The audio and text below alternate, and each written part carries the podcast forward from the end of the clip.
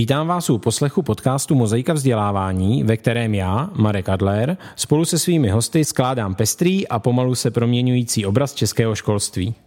Hostem tohoto dílu je Pavel Šimerda, který na sociálních sítích krom svého vlastního jména vystupuje také jako Grumpy Programmer a nejen v posledních týdnech včetně komentuje vzdělávání v českých školách. Pavle, vítej v Mozaice vzdělávání. Ahoj.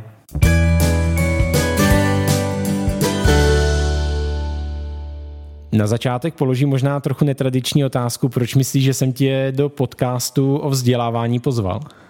No, tak eh, to je jasný, že jo? protože eh, já jsem eh, před těma dvěma měsícema, už jsem na to skoro zapomněl, tak jsem komentoval spoustu věcí kolem informatiky ve školství, nakombinoval jsem dohromady všechno možný, naší rodinnou situaci, ale zároveň prostě v tom, v tom vypětí sil, kdy jsem tohle to řešil, jsem se šel odreagovat diskuzema s učitelema na internet a to jsem asi neměl dělat.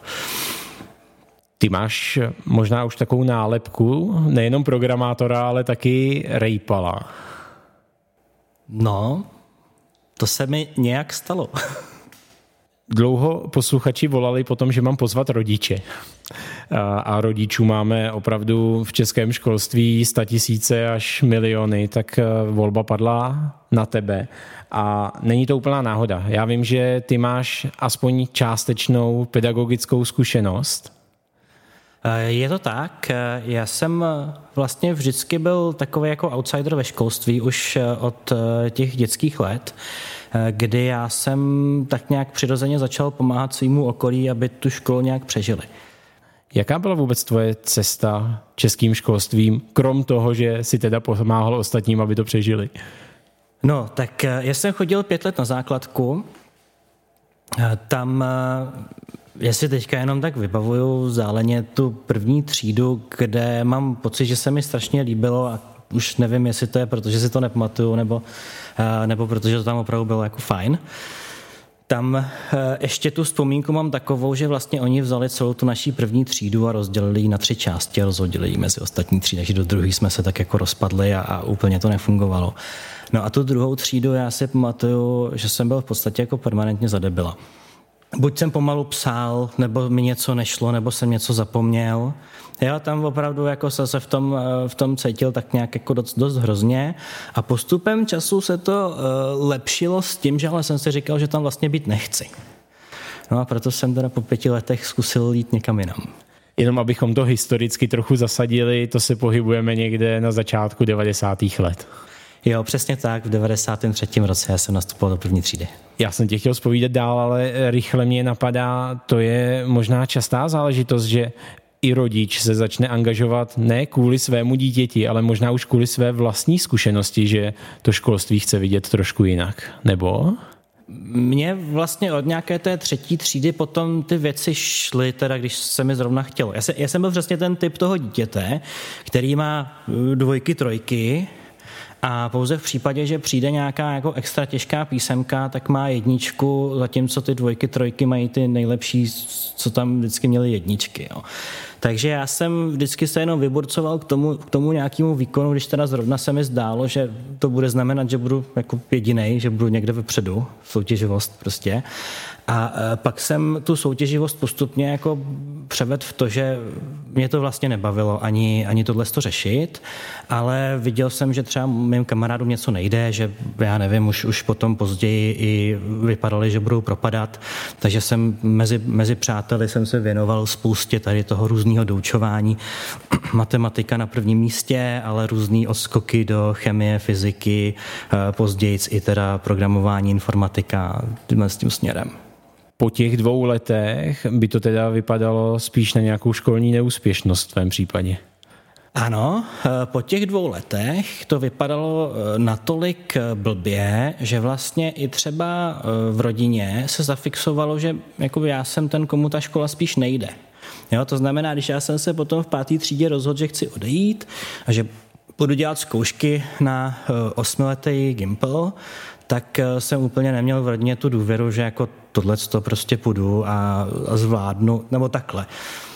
Možná ještě by důvěřovali tomu, že zvládnu ty přijímačky, ale, ale spíš eh, se báli toho, že se tam budu trápit. No a co se mezi tou druhou a třetí třídou tak výrazně změnilo? Já si myslím, že jsem prostě jenom našel, našel jako ten způsob, eh, jak se v tom pohybovat, jak v tom přežít, najít si nějaký ty způsoby toho soustředění a udělat ty věci tak, abych v té škole mohl dál fungovat. Odešel si tam na osmileté gymnázium. Jaká to byla změna proti mm, asi standardní spádové základce? V první chvíli bych řekl, že to bylo naprosto úžasný. Eh, což já můžu říct v podstatě o všech svých eh, životních změnách. Jo? Že mm, já jsem pak zjistil, a už, už tehdy jsem si to zafixoval v hlavě, že pro mě prostě ta změna je super. Sama o sobě. Není až tak důležitý, jestli to je změna k lepšímu, nebo jestli to je prostě jako uhoď v v tom místě, ale že ta změna mi dává nějaký jako optimismus, že teďka poznám nový prostředí a že to jako může být fajn, zatímco v tom starém prostředí už vím, že to lepší nebude. No ale 8 let, osmiletého gymnázia, tam asi moc prostoru pro změnu není. Já jsem po čtyřech letech odešel. Proč čekám? A odešel jsem na čtyřleté gymnázium, odešel jsem eh, z toho důvodu, to je výborná otázka, protože to mi položila třídní učitelka. Proč odcházím? Já jsem jí řekl, že už jsem tam moc dlouho. Ale potom, potom ona si to tak jako potřebovala si to nějak upravit, potřebovala mít tu odpověď, která jí zapadá do toho jejího světa. Takže když zjistila, kam jdu a že, tam, že se tam bude dělat programování, tak se mě zeptala, jestli tam jdu kvůli tomu, že se tam dělá programování. Jako moje první rozhodnutí bylo, já jdu pryč, pak jsem se rozhodoval kam. Ona už si to upravila takhle, zeptala se mě, jestli tam jdu kvůli těm počítačům. Ano, takhle to řekla, kvůli těm počítačům. A já jsem mi to odkejval. Jsme na čtyřletém gymnáziu doklopítali k maturitě a když už jsme na té cestě, tak to dotáhneme tou vysokou školou. Vyrazil jsem eh, potom z Gimplu, jsem chtěl jít na architekturu, protože jsem měl i nějaký, takhle mezi známýma jsem měl nějaký architekty a strašně se mi to líbilo.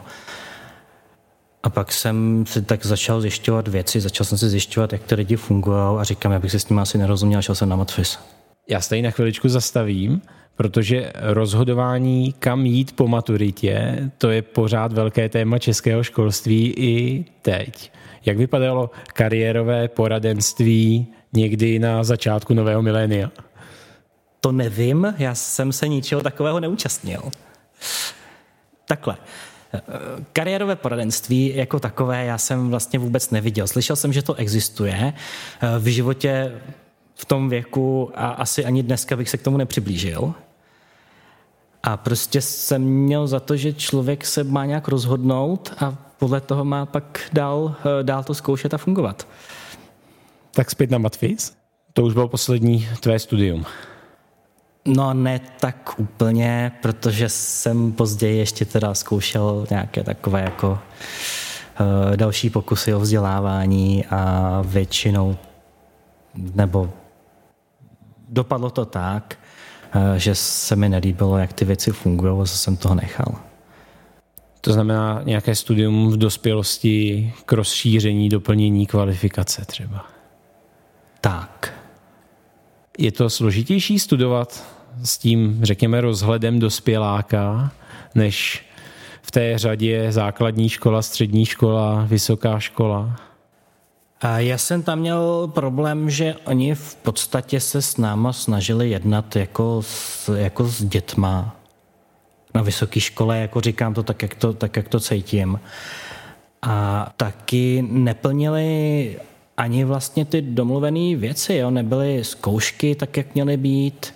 Pro mě to bylo úplně neskutečný, že, že vůbec se o něco takového snažím. Jo? A když jsem to viděl, tak jsem, tak jsem z toho měl takový pocity hrozný, eh, že jsem to radši nechal zase. Čím tě těch 18 let v českém školství vybavilo? Jo, výborná otázka. Já jsem eh, si rozmýšlel, co vlastně jako říct k tomu, co jsem si odnes z těch škol, už jsem to rozmýšlel za poslední rok několikrát. A já v podstatě vždycky docházím k tomu stejnému. Odnesl jsem si schopnost improvizace za všech okolností, odnesl jsem si nějaký takový jako absolutní životní cynismus, protože když to člověk vidí, jak to v té škole funguje, tak eh, nevím, člověk jako já prostě tohle nemůže brát vážně. To nejde. Já jsem opravdu přemýšlel nad tím, co mi ty školy všechny jako dali. A já bych se teda zaměřoval hlavně na to základní střední školství, protože vlastně ta vysoká škola byla první, kde jsem eh, pobral nějaký jako technické vědomosti, ze kterých opravdu těžím. Jo. A v rámci toho základního a středního školství já vždycky eh, i na svých kurzech, když se na význam těch věcí ptáme, tak eh, s lidma řeším tu hypotetickou situaci, kdyby to nebylo, jako kdybych tam nechodil. Eh, kdybych do těch škol nechodil, asi by to bylo špatný, jo? protože já bych nepotkal spoustu lidí, nezískal bych spoustu nějakých jako nápadů, typů do života, vůbec co hledat, co dělat, co si, co si nastudovat.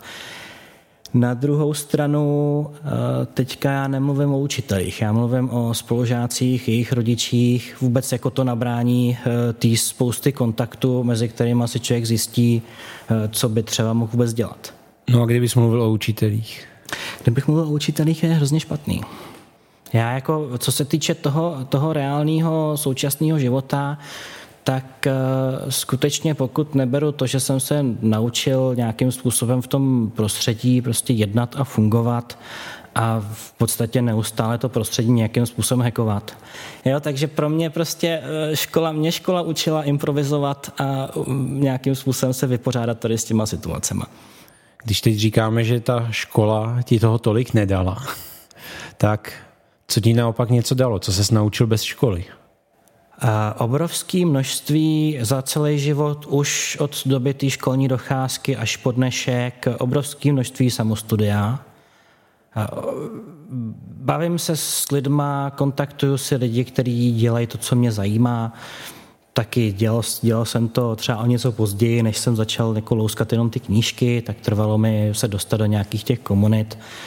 Myslím si, že to je to hlavní, z čeho vycházím. No, dneska je to něco jednodušší. Dneska kromě knížek z Národní technické knihovny, kde mi nevydali průkazku, protože mi nebylo 15, tak eh, máme internet, eh, máme na internetu i videa, takže člověk nemusí všechno číst, když, eh, když prostě si jdu lehnout, nebo když já nejsem nemocný, je mi, je mi blbě, tak si to můžu pustit a poslouchat. Tady si můžu poslouchat nějaký podcasty, dobře, to, to dělá spousta lidí, ale já strašně moc poslouchám těch tolků ohledně programování. Zkusme ještě říct, jaký jsi byl žák? Co by o tobě řekli ti, kteří by se na tebe jako na žáka podívali a já se za chvilku zeptám i na tebe jako na rodiče samozřejmě. Já jsem přesvědčený, že spousta těch učitelů by o mě řekla, že jsem byl prostě grázl. Ačkoliv eh, to nebyla pravda, nedělal jsem jako nic, eh, nic zlýho, nic nebezpečného. Prostě mojí jedinou zbraní, kterou jsem používal vůči těm učitelům, bylo slovo slovo eh, často tichý, často eh, třeba jenom jedno, ale bohužel to teda vedlo k tomu, že ty lidi mě dost často neměli rádi. No.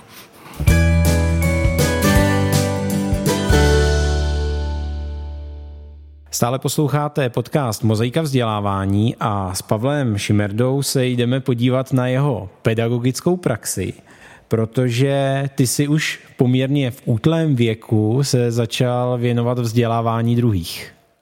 Je to tak.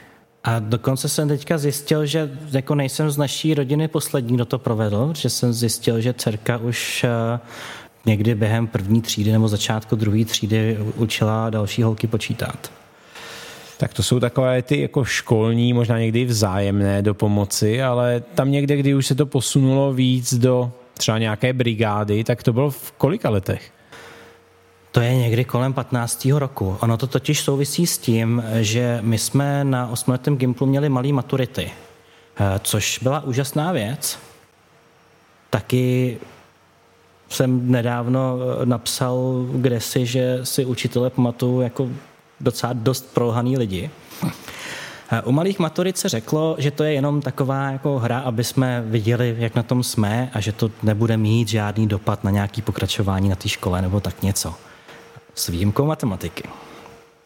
Takže já jsem si pak vzal eh, postupně několik lidí z toho ročníku, a řešil jsem s nima, eh, jakým způsobem projít teda nějakým náhradním zkoušením po té malé maturitě a opravdu jsme řešili tu matematiku intenzivně.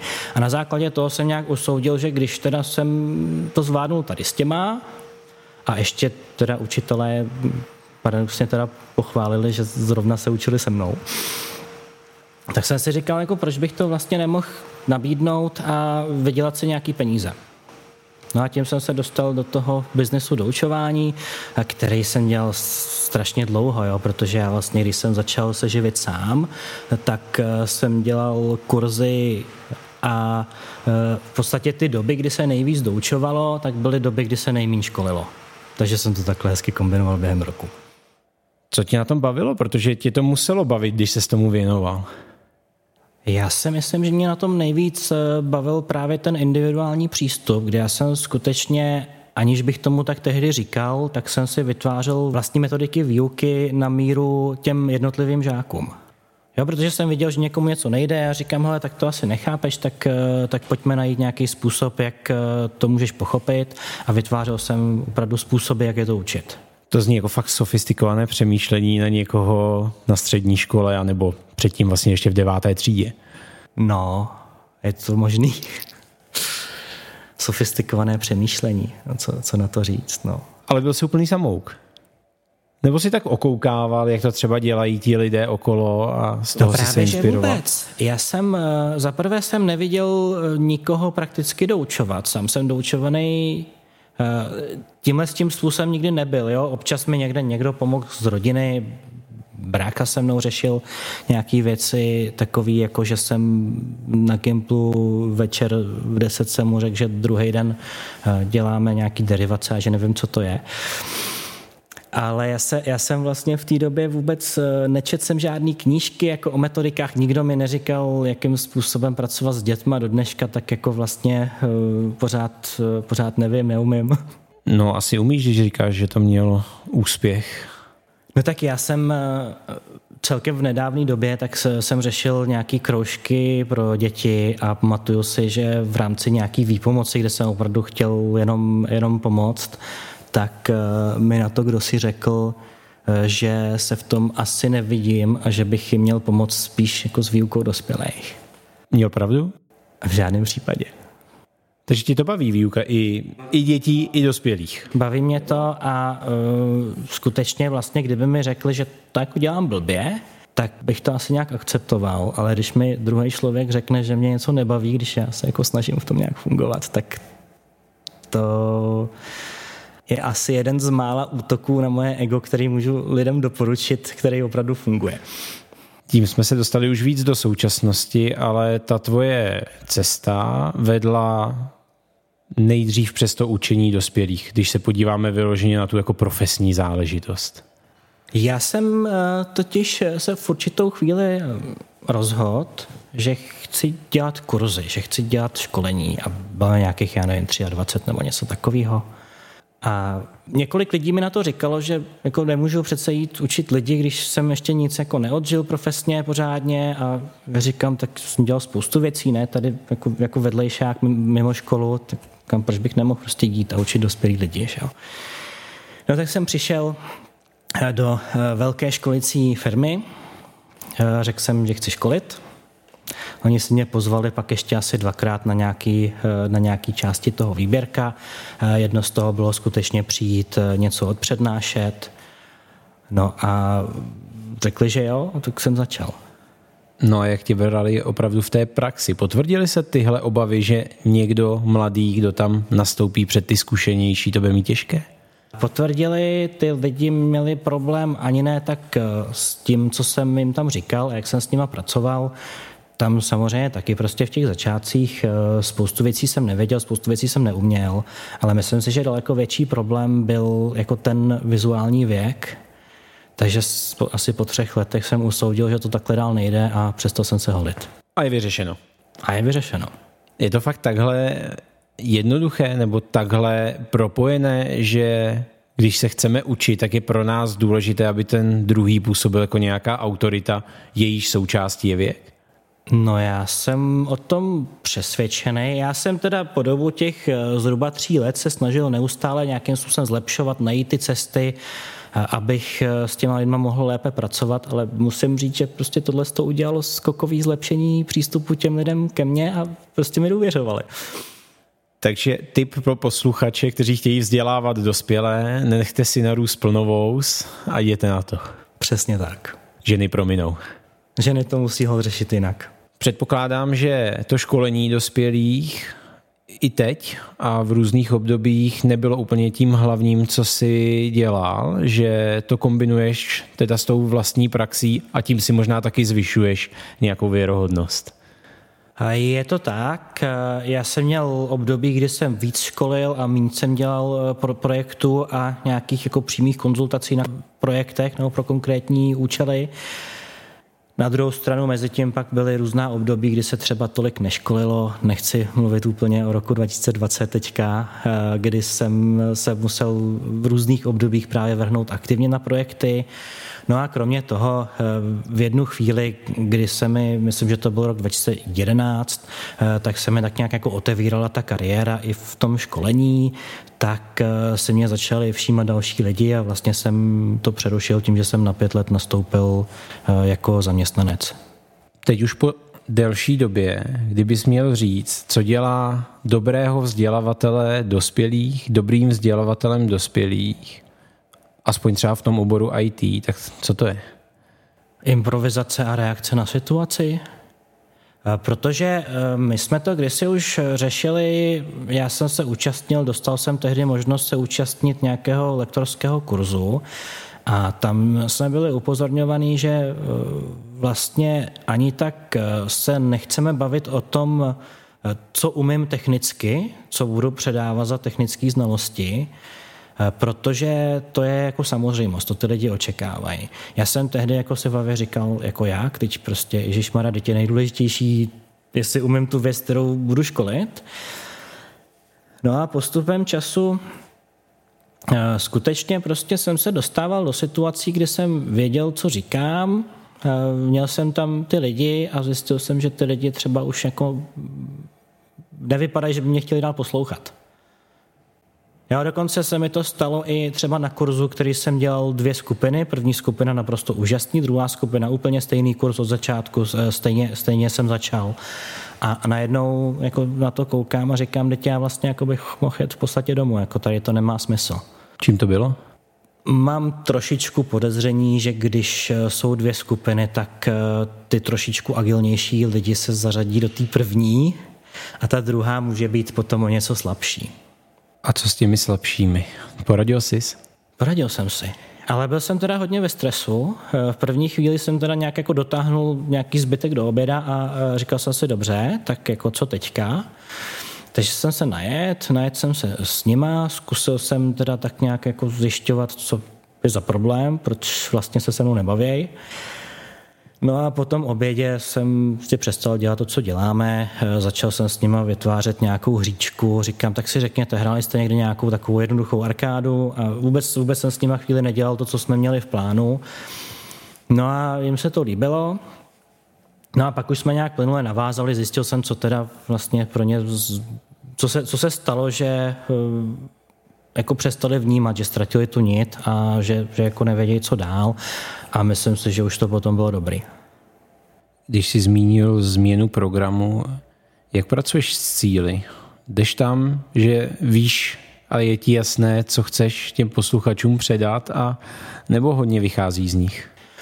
Já mám ty kurzy opravdu hodně orientovaný na konkrétní cíle, jako který všechny věci chci, aby viděli. Je to tak i ukazovaný pro ty lidi, takže jako byl trošičku problém, kdyby se něco nesplnilo. Na druhou stranu vždycky tam nechávám nějaký prostor, aby si sami řekli. Ale skutečně se mi stává, že něk- některé ty skupiny eh, si jako neřeknou vůbec nic a spolíhají se jenom na to, co já můžu přinést. Pro aktivitu těch účastníků možná bylo těžké období, o kterém nechceš mluvit, kdy se hodně školilo online. Já jsem to neuměl školit online. Jednak teda, eh, ono se řekne, hodně se školilo online, ale u nás se hodně neškolilo jako vůbec, eh, protože ta doba byla spojená nejenom eh, s nemožností se potkávat, ale i s velkou ekonomickou nejistotou. A přece jenom si ty kurzy tady v té oblasti jsou trošičku dražší záležitost, která se plánuje dlouhodobě, takže tam byl problém i s tím, že prostě nebyly ty objednávky. Navíc mě dělat ty online kurzy mě moc nebavilo, Jakože vůbec, ale to se nesmí říkat, že jo, kvůli zákazníkům. Ale uh, moc mě to nebavilo. A uh, tím pádem já jsem vyhledával jakoukoliv možnost, jak teda fungovat bez toho a říkám, no tak já nebudu školit, teď je to jednoduchý, tak budu dělat jenom projekty a nebudu nikoho školit a prostě to ukončím. A vlastně jsem stejně nevěděl, jestli třeba ty, se kterými spolupracuju, jestli po tady jako tom blbým období Eh, tak eh, jestli budou třeba ty subjekty existovat. Že? Takže jsem si říkal, tak to, tak oni to zabali, já to zabalím, pojďme dělat něco jiného. Když už si zmínil to tabu téma peněz, to je taky velká změna, jestli doučuji své kamarády na střední škole, jen tak z kamarádství anebo ze zájmu, a nebo jestli tedy vedu ty, jak si řekl, drahé IT kurzy. Cítíš tam tlak na výkon, když někdo za tebou přijde, třeba i specificky za tebou nebo za tím tématem a chce se něco naučit a nevím, třeba za to ručíš? To je velká a složitá otázka, protože když bych na ní přímo odpověděl, tak eh, to nebude dávat smysl. Jo? Já jsem eh, si prošel nějakou dobou, nějakým vývojem tady v tom. Eh, já jsem vlastně začínal školit v roce 2008. A eh, v té první chvíli to pro mě znamenalo obrovskou nervozitu vůbec eh, jít před ty lidi, kteří si něco zaplatili a vůbec eh, s nima něco řešit a potom odejít s tím, že teda jestli jako jim to něco přineslo a jestli oni si myslí, že jim to něco přineslo a jaký to vůbec je. Já jsem si od té doby prošel několika velkýma přípravama nových kurzů a to vždycky vlastně to nový téma, který jsem nikdy předtím neškolil a který jsem připravoval čistě samostatně, tak eh, potom ve mně vyvolávalo jako velkou otázku, jak vlastně to ze začátku bude fungovat. Tady ještě ti řeknu, eh, první kurz, když, když je nový téma a poprvé se to školí, odcházím z toho, že to bylo hrozně super. Že prostě se to povedlo a, a že je to dobrý. A když se to dělá po druhý, tak odcházím s tím, že to bylo úplně strašný. Je ti jasné, že se zeptám, čím to je? Eh, první kurz je prostě nervozita, aby to vůbec nějak klaplo, abych eh, udělal to, aby to plnilo ty cíle, které jsem si tam vůbec stanovil. Na tom druhém já už jsem schopný jakoby pozorovat sám sebe, co dělám a hledat chyby. A co takový třicátý kurz? Tam je jiný problém, ve chvíli, kdy se ty kurzy opakují eh, opravdu ve velkém eh, počtu iterací, tak eh, po nějaké době a mnohem dřív než teda třicítka, tak mě to přestane bavit. A tím pádem vlastně nejsem schopný s těma lidma pracovat tím způsobem, jak bych chtěl. A já jsem, tohle, tohle to má dvě řešení u mě. Jedno řešení je to předat někomu jinému a nedělat to. A druhý řešení je e, skutečně ty kurzy si nějakým způsobem předělávat a já jsem postupem času zjistil, e, že prostě ty kurzy musím dělat i pro sebe. Když už jsem se tě ptal, jak tě asi ostatní viděli jako žáka, tak jak tě ostatní podle tebe vidí jako lektora? Já si tady ty hlasy sbírám, někdy, někdy se zeptám osobně, někdy se podívám do, toho, do, nějakých těch hodnotících formulářů, i když ty toho neřeknou zase tolik. Eh, bavím se s lidma i po letech, potkáváme na konferencích. Já mám pocit, že prostě ty lidi to vnímají velmi pozitivně. Já tě z toho nenechám utéct. Jak by tě popsali? Že to je těžký člověk, strašně uh, nerad mluví o sobě. A já uh, tady mám uh, ten klasický problém, že vlastně lidi v IT jsou často vnímaný jako arrogantní a sebestřední, což je obraný mechanismus, ale většina lidí, se kterými já jsem kdy spolupracoval, tak má strašný problém říct o sobě větu, která je jako pozitivní a, a kterou sám sebe člověk popisuje jakože, eh, jakože pro ostatní je jako dobrý a užitečný. Jo? To, to je věc, kterou jako opravdu dobře neumím. Děkuji, já už tě dál nebudu trápit. Možná jenom, jak moc pracuješ s tou zpětnou vazbou? Jak moc ji bereš vážně? Velmi, eh, velmi, ale problém byl v tom, že brát eh, zpětnou vazbu je těžký A je to, je to natolik těžký, že si myslím, že v tomhle tom třeba eh, můj způsob jako samouka eh, selhal. Já jsem opravdu eh, se bavil s lidma zkušenějšíma o tom, jakým způsobem to řešit. Která ta zpětná vazba je jako jenom takový kopnutí, který je bezvýznamný a která ta zpětná vazba skutečně jako stojí za nějaký zpracování a za nějaký promítnutí do reálných změn.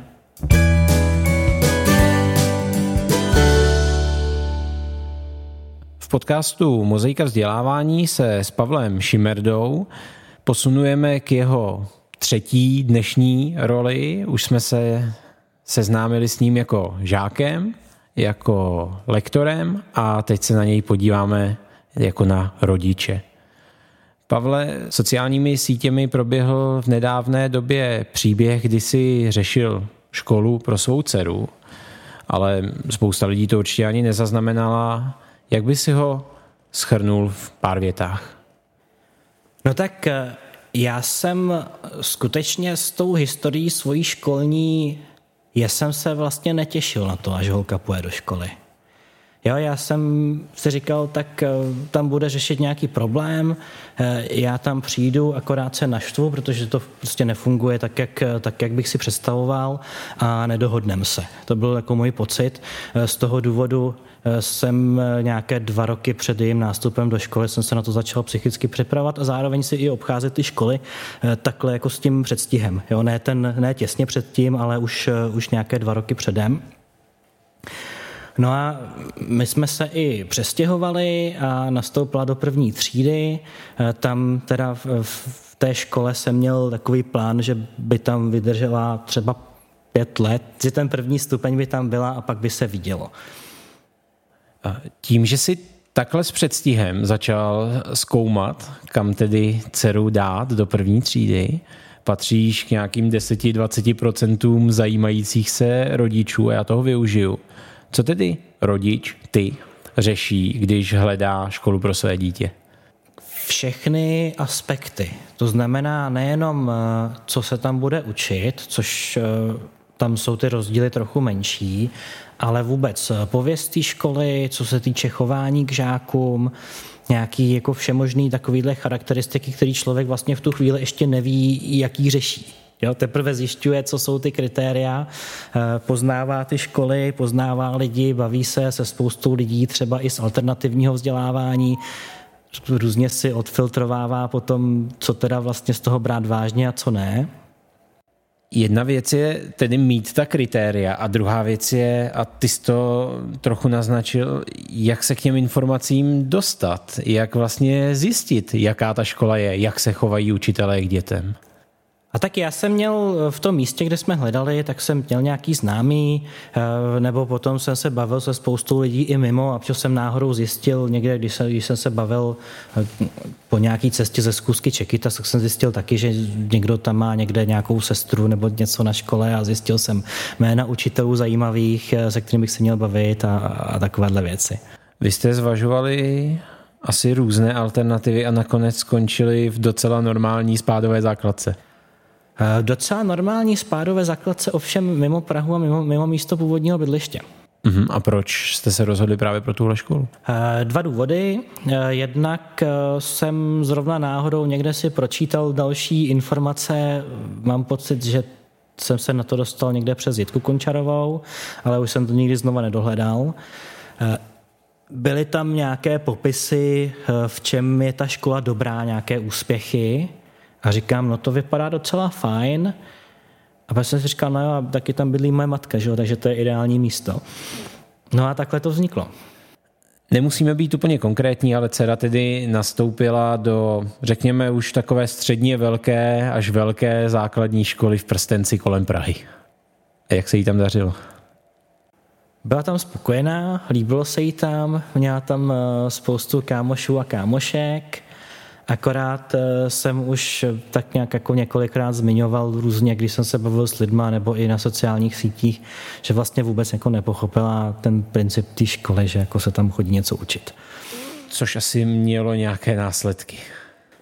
Což mělo ty následky, že teda opravdu se tam chovala jako, že chodí mezi kamarády a ne vždycky to zcela vyhovovalo těm učitelům. No a tohle to trvalo nějakých 12 měsíců školní docházky, to znamená tu první třídu plus dva měsíce navrh. A potom Potom vlastně to vedlo k tomu, že se řešilo, že jako tam nějakým způsobem vadí a že dělá spoustu věcí špatně. Já asi nechci zabíhat do nějakých jako zbytečných detailů, ale možná bych řekl takovou jednu větu, která trošičku zarezonuje teďka spoustou dalších rodičů. A to je, že se nechovala jako sedmiletá holčička. Taky nechci zabíhat do podrobností, ale když už si tohle téma otevřel, jak se cítí rodič, když jde do školy jednat o svém dítěti, zvlášť takhle malém? Tak eh, já jsem se té chvíle děsil už několik let předem.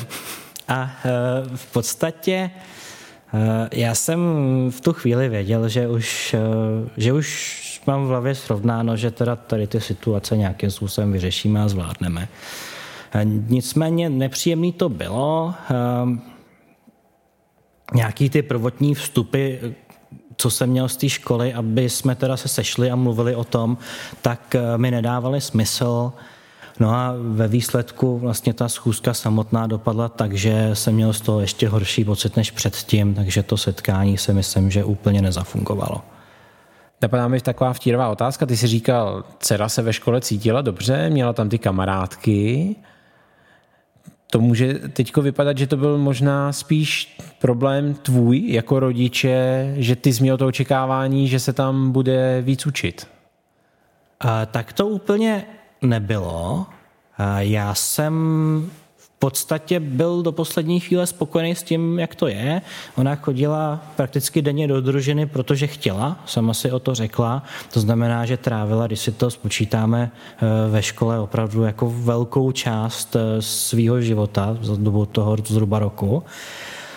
A já jsem v tom neviděl problém, protože jsem si říkal, tak eh, něco jí naučím já, něco se naučí později a vlastně, vlastně mě to nijak nevadilo.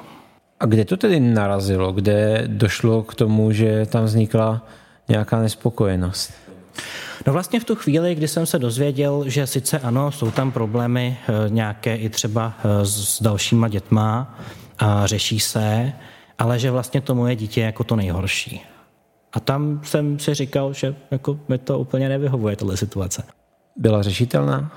Zcela jistě byla řešitelná a bylo možné se domluvit tak, aby tam pokračovala. Asi by to bylo nějakým způsobem těžký, ale nebyla tam vyloženě nějaká jako nevraživost nebo něco takového, nebo já jsem ji tam nevnímal. Na druhou stranu já jsem se přímo zeptal, co za tu dobu vlastně ta škola pro ní udělala, co se tam naučila a nedostal jsem na tu otázku odpověď. A tím pádem jsem si říkal, že vlastně když my vyřešíme ten konflikt, tak ale pořád budeme jako tam, kde jsme byli. Co tedy definitivně rozhodlo o tom, že jste začali hledat jinou školu? Já jsem pro ní nehledal jinou školu, já už jsem ji měl. Já jsem se byl půl roku předtím eh, ze zájmu podívat eh, do soukromé Montessori školy a eh, ta mě zaujala, nicméně jednak neměli v tu dobu volné místo a zároveň já jsem si nebyl jistý, jestli je jako to potřeba. Jo, jestli je potřeba eh, přesouvat dítě do soukromé školy jenom protože mi připadá jako nějakým způsobem lepší a zajímavější, eh, když je v místě, kde je spokojená a kde to nějakým způsobem funguje. Takže pro mě vlastně ta změna z toho funguje to na nefunguje to, znamenala, že jsem druhý den vzal telefon a zavolal jsem do soukromé školy, jestli to půjde. A byla to změna?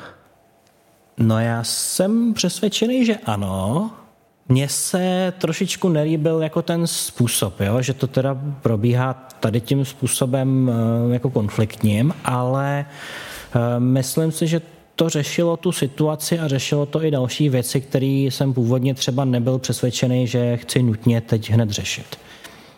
Což je dobré řešení z hlediska jednotlivce, ale když se na to podíváme z hlediska společnosti, tak to má i určité negativní dopady. Eh, jo, skutečně je to tak, že já jsem jako jednu eh, z věcí, který jsem považoval za výhodu té veřejné školy je, eh, že ona půjde do nějakého rozmanitého kolektivu, kam z toho okolí, byť teda je to třeba oblast, teda kde, kde není tolik nějakých jako sociálních problémů, což mě přišlo taky fajn, ale že z toho okolí tam bude nějaký jako různorodý kolektiv a že to nebude úplně, že by šla prostě mezi, já nevím, děti pár bohatých lidí, co na to měli, nebo něco takového. Takže to byl, to byl můj plán, že skutečně by spíš měla jít na normální veřejnou školu a že by to tam mělo fungovat eh, pro ní a že by to mělo být fajn.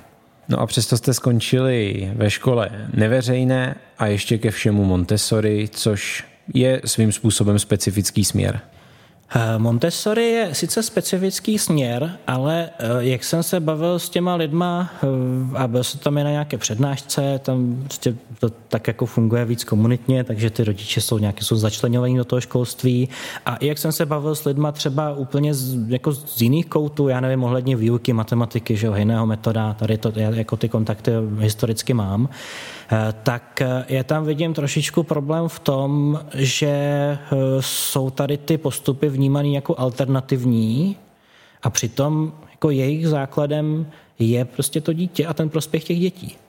Jo, to znamená, my bychom v podstatě jako chtěli, aby to, co, to, čemu se teďka říká alternativa, byla ta norma.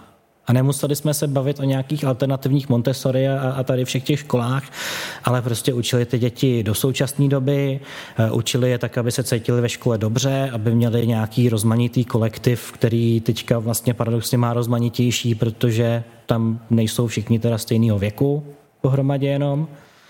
Takže, takže eh, tímhle s tím směrem se ubírají moje myšlenky jako dneska. Jo? Že v podstatě mě to přesvědčilo. Dokonce bych řekl, že, že jsem eh, díky tady té události změnil názor a eh, považuji ten systém veřejného školství v tuhle tu chvíli za jako skutečně nedostačující a nedobrý. Já tě ani z téhle části nepustím, dokud mi neodpovíš na otázku, jaký jsi pro druhé, teď myslím učitele, rodič.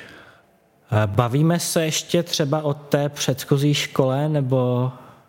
Je to rozdílné? Byl jsi jiným rodičem v té velké veřejné škole, než si teďko v té malé inovativní? Rozhodně. V té veřejné škole eh, především jsem byl rodičem eh, cizím a neznámým, protože tam ten kontakt mezi školou a rodičema není blízký.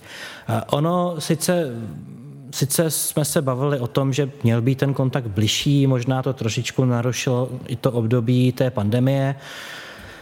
Nechci to žádným způsobem soudit, ale když bych měl popsat tu realitu, kterou jsme zažili my, tak vlastně člověk o tom, co se děje v té škole, věděl jenom od dítěte a jenom v případě, že to dítě chtělo ty věci říct. A v nové škole je to úplně jinak. V nové škole oni tak jako chtějí rodiče vidět, chtějí se, chtějí se s nima bavit, eh, chtějí s nima řešit nějaké další věci, eh, řeší, v čem by rodiče mohli pomoct, aby ta škola fungovala třeba líp. Já samozřejmě jako programátor a člověk se zkušeností teďka jako s tou výukou dětí programování, eh, tak jsem tam hned před nějaký příležitosti šel ukázat nějaké knížky o programování pro děti a takovéhle věci. Takže tam my jsme tam se v úzkém kontaktu a spolupracujeme. Když tuhle komunikaci se školou nebo spolupráci se školou takhle popisuješ, jak moc ti vlastně ve finále při volbě školy záleží na těch, řekněme, pedagogických metodách, přístupech a jak moc právě tady na té otevřenosti, komunikaci, spolupráci a dalších věcech? Já si myslím, že to bez té otevřenosti jako nejde dělat. Jo, že ta škola nemůže uh, dost dobře zlepšovat ty ostatní věci, uh, protože učitelé žijou jako taková oddělená bublina, která toho o tom okolním světě vlastně moc nemusí ani vědět. Jo, nikdo je k tomu netlačí. A e, tím pádem, pokud ta škola není otevřená tomu okolnímu světu, ať už e, teda rodičům nebo e, i třeba odborníkům, který by chtěli pomoct, já nevím, dětem ukázat nějaký profese a co v těch profesích se reálně dělá, tak já vlastně nevím, jak by ta škola mohla ty děti něco naučit, pokud tam jsou jenom učitelé, kteří nikdy nic jiného nedělali.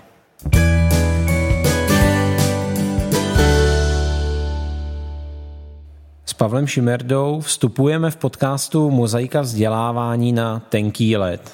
Pavle, teď tě předhodím diskuzím, protože se půjdeme podívat na české školství jako celek. Jak bys české školství charakterizoval ve třech větách? Ve třech větách. To bude těžký. Já si bohužel teda v tuhle chvíli, zvlášť těch posledních pár měsíců, kdy jsem se opravdu snažil se na to školství nějak dívat, eh, jak by to mohlo fungovat, tak já si jako první vybavím slovo studa. Já skutečně v tom školství vidím že eh, neplní ten účel, aby eh, vlastně vzalo ty děti, vzalo ty žáky a dalo jim pořádně něco do života, naučilo je nějaký užitečné věci, ukázalo jim něco o tom reálném světě okolo. Kdybys měl kouzelnou hůlku, mohl mávnout a rovnou jednu věc v českém školství změnit, tak co by to bylo? Já bych skutečně, já bych skutečně v první řadě otevřel tu školu nějakým opatrným způsobem tomu okolnímu světu. Já samozřejmě chápu, že ne každý, kdo má chuť přijít povídat do školy, je prostě zajímavý řečník pro ty děti a je zajímavý z hlediska profese. Chápu, že spousta lidí prostě říká nesmysly. Na druhou stranu aby ta škola byla jak nějakým způsobem propojená s tím okolním světem. Jak moc to je reálné? A za jak dlouho to může stát, takováhle proměna všech škol v republice?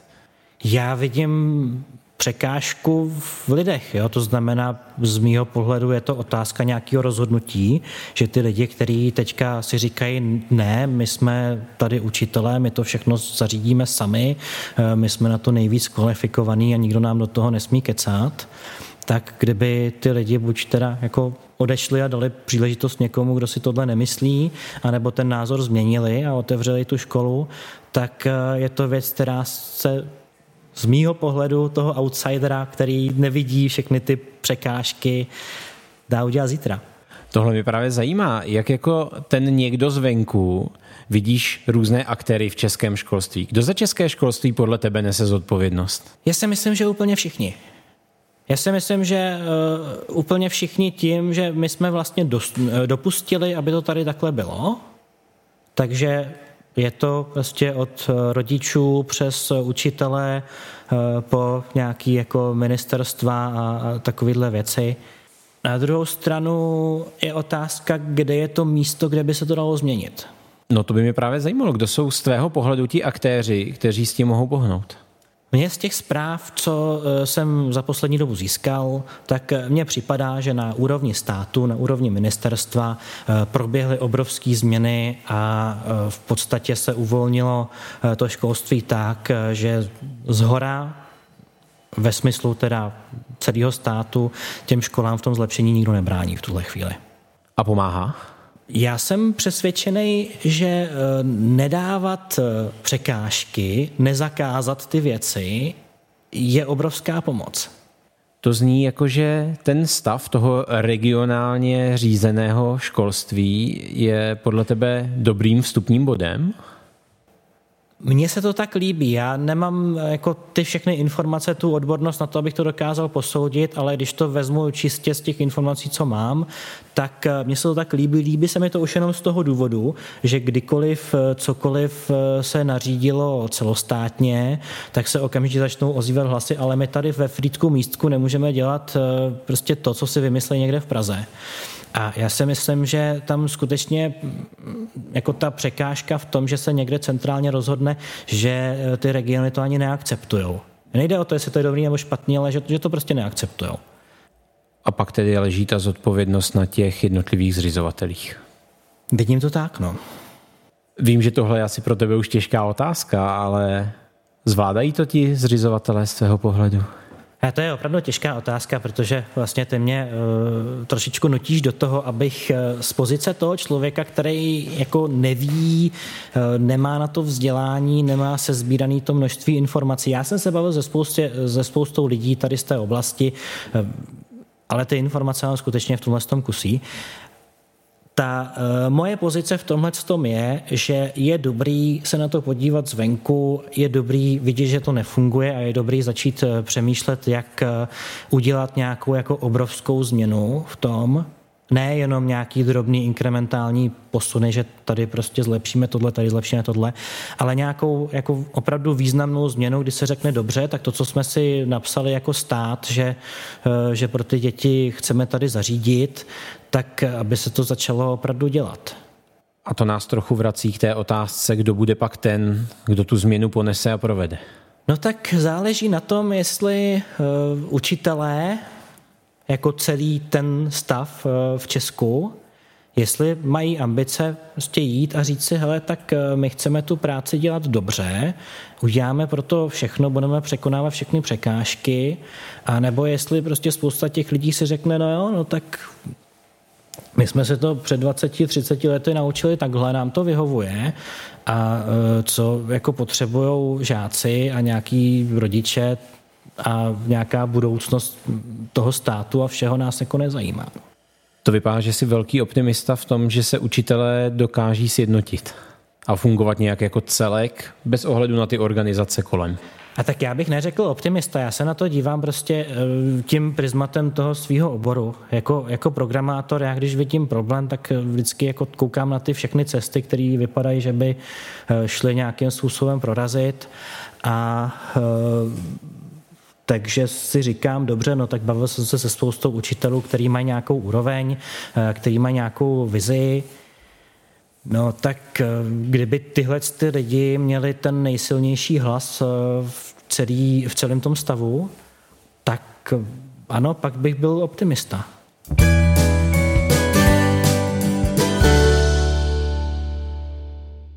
cílové rovince podcastu Mozaika vzdělávání se s Pavlem Šimerdou zaměříme na klasické otázky a ty nám nabídnou zdroje inspirace. Pavle, jaké podcasty posloucháš? Já popravdě řečeno toho neposlouchám zase tak moc eh, pravidelně, takže eh, spíš když dostanu tip, tak si poslechnu nějaké jednotlivé díly. Jediný, co jsem projížděl docela aktivně, je tady ta tvoje mozaika vzdělávání, protože jsem eh, se trošičku bál, do čeho se to vlastně hrnu, tak jsem si to poslech několik dílů a bál jsem se ještě víc. A, ale mm, co se týče nějakých dalších zdrojů, třeba mimo podcasty, tak já sleduju těch eh, pár lidí, kteří se mi zdají, že v tom dělají takové ty svoje drobné kručky, eh, bavím se s těma lidma, napadá mě úplně mimo tu moji oblast eh, Dan Pražák. Zároveň v té tvé oblasti si činný i v různých skupinách spojených s informatikou a s výukou informatiky? No, ono to tak vypadá. Jo, já, mně se prostě vždycky stane, že mě nějaká situace jako zaujme nebo i třeba trochu rozčílí, že jako stále ty věci fungují tak, jak já si je pamatuju eh, tak to komentuju, pak se tomu chvilku věnuju. Eh, v roce někdy to 2018 ke konci roku jsem takhle komentoval na Facebooku a pak jsem přijel povídat na konferenci učitelskou Teďka po dlouhé době jsem se pustil znovu do toho, že, že se podívám, co se teda děje a zjistil jsem, že tam je takový jako negativismus vůči tomu, vůči v podstatě jakýmukoliv pokroku. Řekl jsi, že se hodně vzděláváš z knih. Jakou jednu knihu bys doporučil posluchačům? A tak já jsem řekl, že se hodně vzdělávám samostudiem. Jo, já jako knihu v ruce držím strašně málo kdy, eh, protože eh, co se týče toho mýho oboru, oni stihnou občas zastarat až moc rychle, zvlášť pokud se jedná teda o nějaký jako průběžní informace o aktuálních technologiích, samozřejmě takový ty eh, základy, co se vymysleli v 70. letech a dříve, tak ty zůstávají stále stejný, takže tam se dá opravdu koupit knížka a dát si na poličku což jsem taky se spoustou knih udělal a nedávno jsem to někomu věnoval, že jsem zjistil, že když na té poličce to je dost dlouho, takže se to může poslat dál, když jsem to nečet. Eh, kdybych měl doporučit, já neumím doporučovat knihy, neumím doporučovat filmy, to mi nejde. Jaké cesty využívá programátor k samostudiu?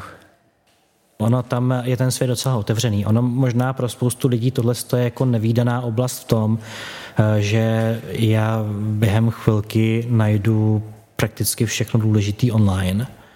Eh, skutečně, pokud se bavíme o programovacích jazycích, tak jejich jako dokumentace bývá online kompletní. Eh, to, co člověk se může dozvědět eh, do hloubky, tak eh, se najde na internetu a tímhle s tím způsobem člověk může pracovat. Jsou tam nějaké možnosti sledovat eh, potom třeba videa od zajímavých lidí.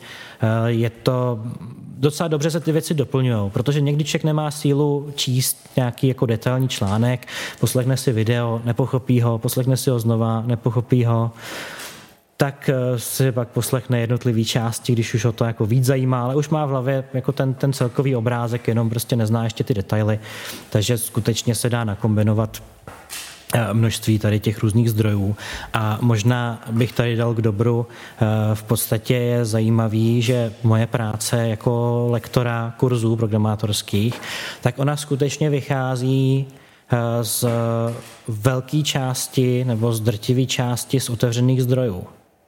Jo, takže já sice jako ano, vezmu telefon, zavolám lidem, o kterých vím, že mi k tomu mají co říct, eh, občas někde jako vezmu, vezmu do ruky nějakou třeba i tu starší knihu, většinou ne ty novější, protože právě jako ty typicky víc zastarávají. Ale fakt drtivá většina, jenom to, to jako řeknu znova, aby to zaznělo pořádně, drtivá většina těch informací je online a ty lidi by čistě jako hypoteticky mohli jít a sehnat si je sami, akorát je to tak zlouhavá náročná práce, že radši přijdou na kurz. Takže mi zase boříš mou představu, že se vzděláváš skrz nějaké online kurzy a zase si našel úplně jinou cestu. Je to tak, online kurzy jsou eh, pro mě jako skutečně menší až bych řekl miniaturní část toho, co já eh, používám. Pro mě ty online kurzy pro mě bývají jako, že nevyhovují tím tempem. A to mám na mysli i online kurzy, kde si člověk jako je dělá v tom svém tempu, ale jak prochází ty kroky krok za krokem, tak já jsem si třeba otevřel, eh, ani jsem neskoušel tohle uprogramování, ale kvůli matematice jsem si otevřel nějaký, já nevím, co, co to je, Khan Academy, že si projedu prostě nějakou matematiku jenom pro, pro zajímavost, pro zábavu. Ale to nebylo zábavný, protože prostě jsem tam řešil věci, které mě nezajímají abych se později dostal k věcem, které mě zajímají. Takže ne, na tomhle tom nejsem až tak, až tak úplně závislý. Poslední otázka. Co v dnešním podcastu nezaznělo, co bys ještě chtěl říct?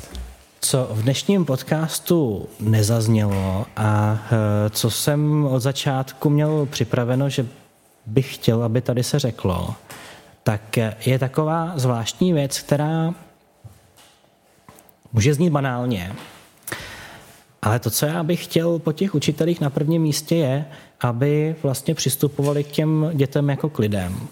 Jakože to je někdo, kdo prostě mezi ně patří, kdo patří do stejné skupiny. Tím nemyslím, že by se měli kamar, kamarádičkovat a e, nenastavovat hranice nebo něco takového, ale aby skutečně brali jako eh, součást toho eh, prostředí a kolektivu, ve kterém se pohybují a stejným způsobem, aby se přistupovalo i k rodičům, a aby celý ten proces vzdělávání nebyl postavený na nějaký představě, jak vypadá zrovna sedmletý dítě, jak má vypadat a jak má vypadat jeho rodina a takovéhle věci, ale aby se pracovalo prostě s těma, kteří do té školy přijdou, tak, jak to ty lidi dokážou. Pavle, děkuji za tvoji otevřenost, za všechny odpovědi, za tvůj čas. Děkuji. A pokud se posluchači mozaiky vzdělávání doposlouchali až sem, tak vězte, že další díly najdete na www.mozaikavzdělávání.cz.